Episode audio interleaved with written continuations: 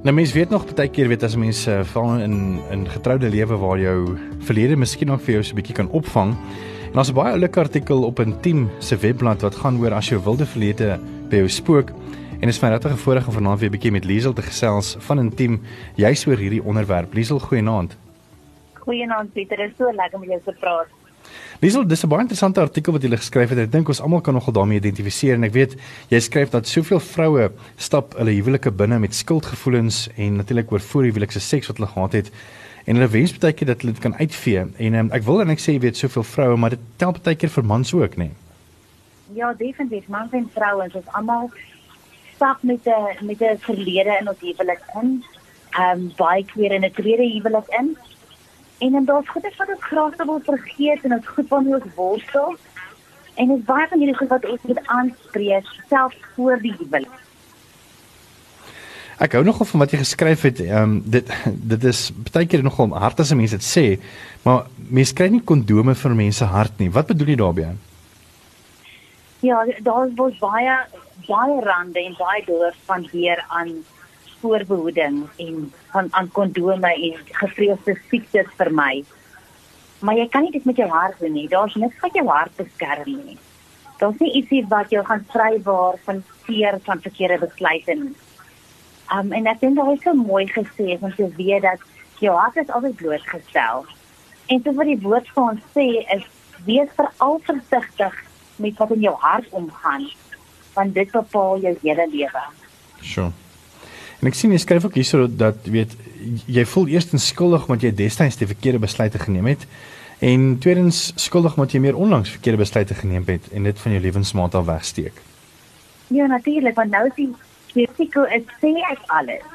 En hoe reageer my maat of my toekomstige man of vrou op hierdie verlede van my? Ja. Maar die waarheid is ons almal het ons almal het 'n verlede. Partyse is nie slegter as ander, meer verkeerde besluite. Maar die waarheid is waar die duiwel kan inkom om te kom steel, is by die plekke waar daar duisternis is. Ja. So soos wat die lig inkom, um en waaruit uitkom, is daar nie 'n plek vir die duiwel om te kom steel by ons nie. Ja. En, en is dit makliker gesê as gedaan as 'n mens weet wat maak 'n mens met hierdie skuldgevoelens? Ja, dit is makliker as gedaan. Um maar vir ons as Christene is dit moontlik. Want ons lewe volgens 'n ander stel reëls, ons lewe volgens en onder genade. En ons staan op die waarheid dat wanneer ons in Christus is, is ons totaal vrygemaak. Ja. So Romeine sê ons daar's geen veroordeling nie. En wanneer ons daai eerlike stap neem met ons maat, gaan dit dalk weer saam met 'n broeder, dit gaan dalk weer julle twee alleen maar dit is belangrik dat daai gesprekke gevoer moet word. In die artikel dan deel jy ook 'n paar ehm um, wenke van hoe mense met hierdie skuldgevoelens kan hanteer en dis al ehm um, ek dink jy gaan dit vir ons net hier na bietjie hanteer. Ehm um, so bly gerus ingeskakel as jy wil weet hoe hanteer jy hierdie skuldgevoelens en hoe lyk jy pad vorentoe? Dis my lekker om weer 'n bietjie met uh, Liesel van 'n team te gesels en team.co.za. Ons praat 'n bietjie oor daai skuldgevoelens wat mense kom vang. Wie baie keer so onverwags, jy weet, selfs al is jy nou al getroud, jy weet as daai spooke van die verlede by jou kom inkruip. En sy het 'n paar oulike wenke op haar webblad ehm um, geplaas juis oor hierdie skuldgevoelens en en en wat om daarmee te maak. Ons het voor die tyd of net net voor die liedjie het ons 'n bietjie gesels oor weet wat maak jy nou met hierdie skuldgevoelens? So Liesel, ons wag in spanning. Ons wil graag hoor weet hoe gaan ons nou wegdoen met hierdie skuldgevoelens wat so Weg met die skuldgevoelens.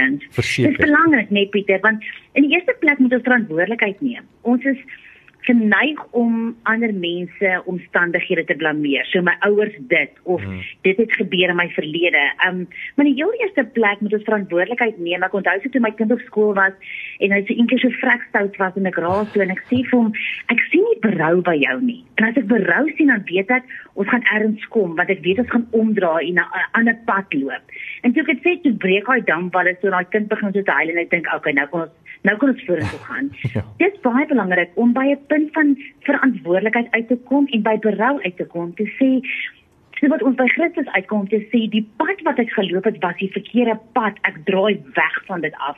Ek neem verantwoordelikheid daarvoor. Hmm. Dit is 'n baie belangrike eerste tree om te gee. Jy sê ook mense moet om verskoning vra, weet is kan 'n mens sommer nou weet iemand wat jy sê maar 20 jaar laas uh mee gepraat het net bel en sê hoorie ek voel skuldig hieroor en ek wil graag om verskoning vra daaroor. Ja, ek dink baie ook al is jy gaan weet in jou hart um, met wie dit is wat jy moet vrede maak, waar jy om verskoning moet vra. Dis altyd 'n goeie ding. Maar bid daaroor en weet dat jy is besig om deur 'n proses te gaan. Daai ander persoon het nie deur dieselfde proses as jy gegaan nie. So wees ook ek dink sorry die Engelse woord maar besonder kind um, hier rondom en en gaan bidden daardeur.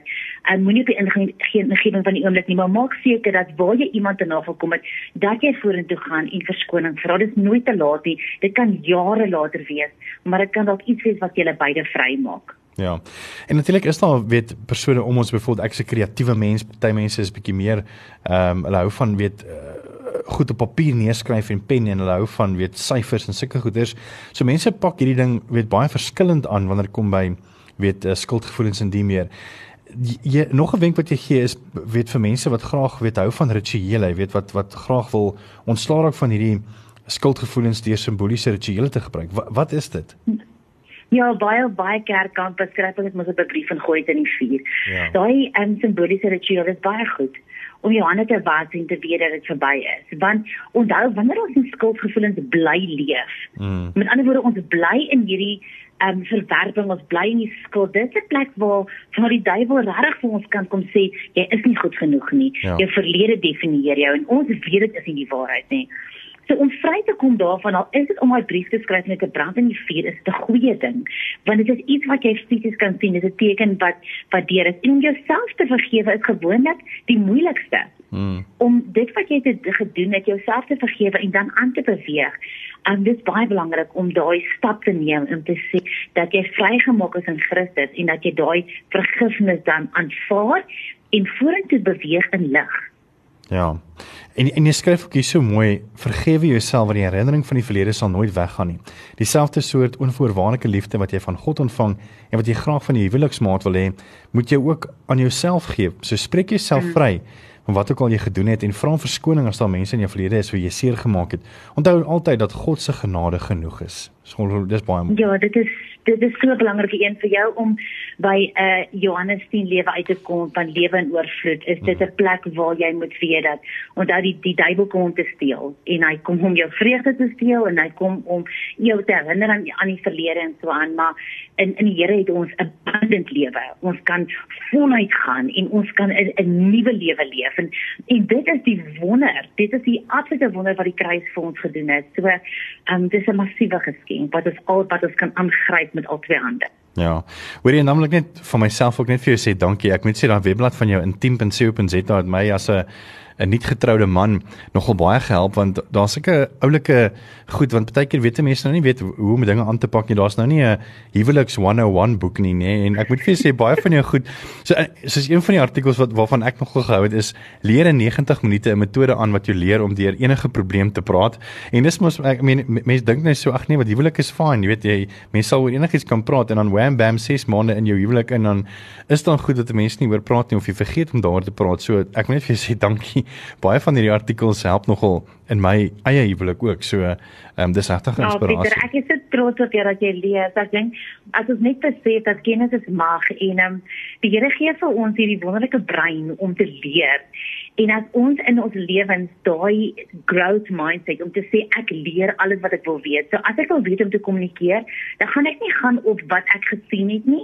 Ek gaan leer om dit reg te doen. En dit ja. is alles toerusting wat ons nodig het. So intiem se hart is rarig net om paartjies toe te rus en om paartjies te help sodat ons generasie sonder bagasie hmm. kan kan nalat. En ons kinders kan sien in in moeilike huwelike. So as waar jy ook al is vanaand, um, of jou huwelik so 2 uit 10 voel of 10 uit 10 voel, um, maak seker dat jy hierdie week 'n prioriteit maak van jou van jou huwelik en van jou lewe saam met jou man en vrou want jou huwelik maak saak. Ag, dis awesome. Dis Liesel van Intiem en gaan lees gerus bietjie daarop op webblad.